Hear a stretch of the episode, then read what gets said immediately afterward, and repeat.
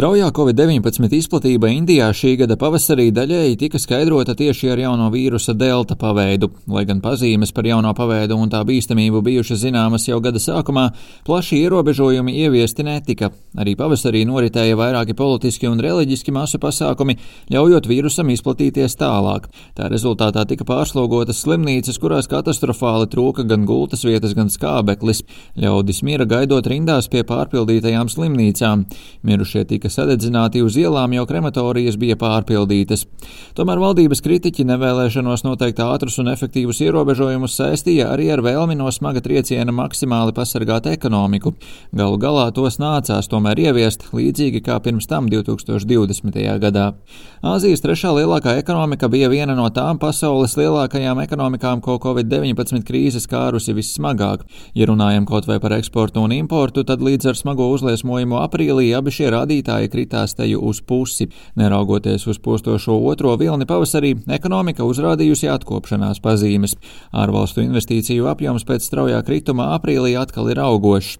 Indijas ekonomika šā fiskālā gada pirmajā ceturksnī, kas noslēdzās jūnijā, salīdzinājumā ar attiecīgo laika periodu pirms gada palielinājusies par 20,1%. Tādējādi reģistrēta straujākā izaugsme kopš šo datu apkopošanas sākšanas 1996. gadā. Attiecīgajā ceturksnī pirms gada valsts ekonomika saruka par 24,4%, kas bija rekordstraujuši kritums, ko izraisīja koronavīrusa izplatības ierobežošanai paredzētie pasākumi.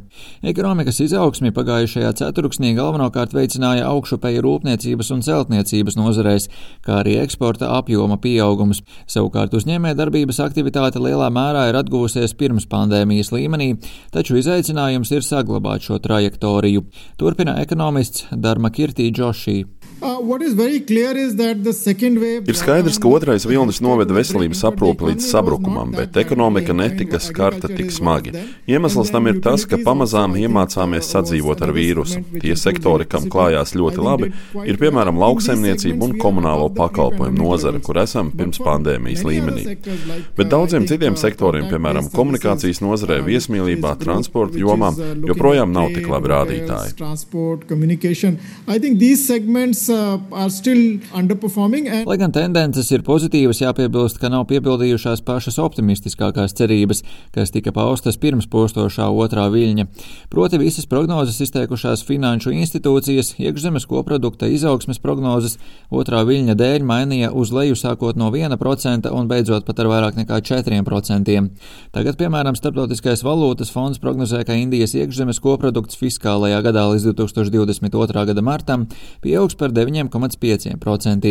Savukārt saskaņā ar Mumbajā bāzētās pētniecības firmas Quanteco Research datiem Indijas ekonomikai pie teju pirms pandēmijas lieluma vajadzētu atgriezties nākamajos divos ceturkšņos.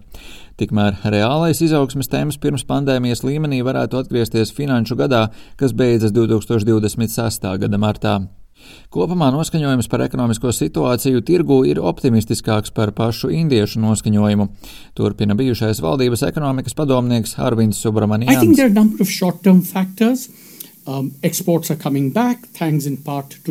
es domāju, ka ir daži īstermiņa iemesli tam, kādēļ noskaņojums tirgu ir salīdzinoši optimistisks. Eksports atgriežas, fiskālie ieņēmumi ir augsti, sajūta, ka sliktākais ar covid-19 ir aiz muguras un norisinās vakcinācija. Tāpat optimismu rada arī aktīva reformu darba kārtība.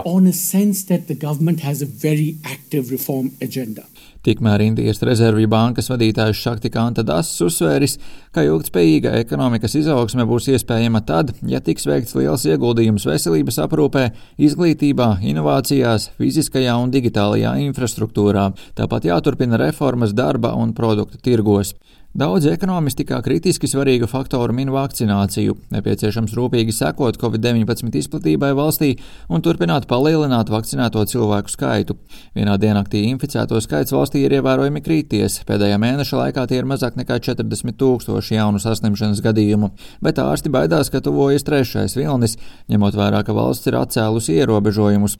Lai gan pašlaik Indijā saskaņā ar oficiālajiem datiem vismaz vienu devu saņēmuši 70% iedzīvotāju, pilnībā vakcinēti vakcinēti tikai nepilni 19%.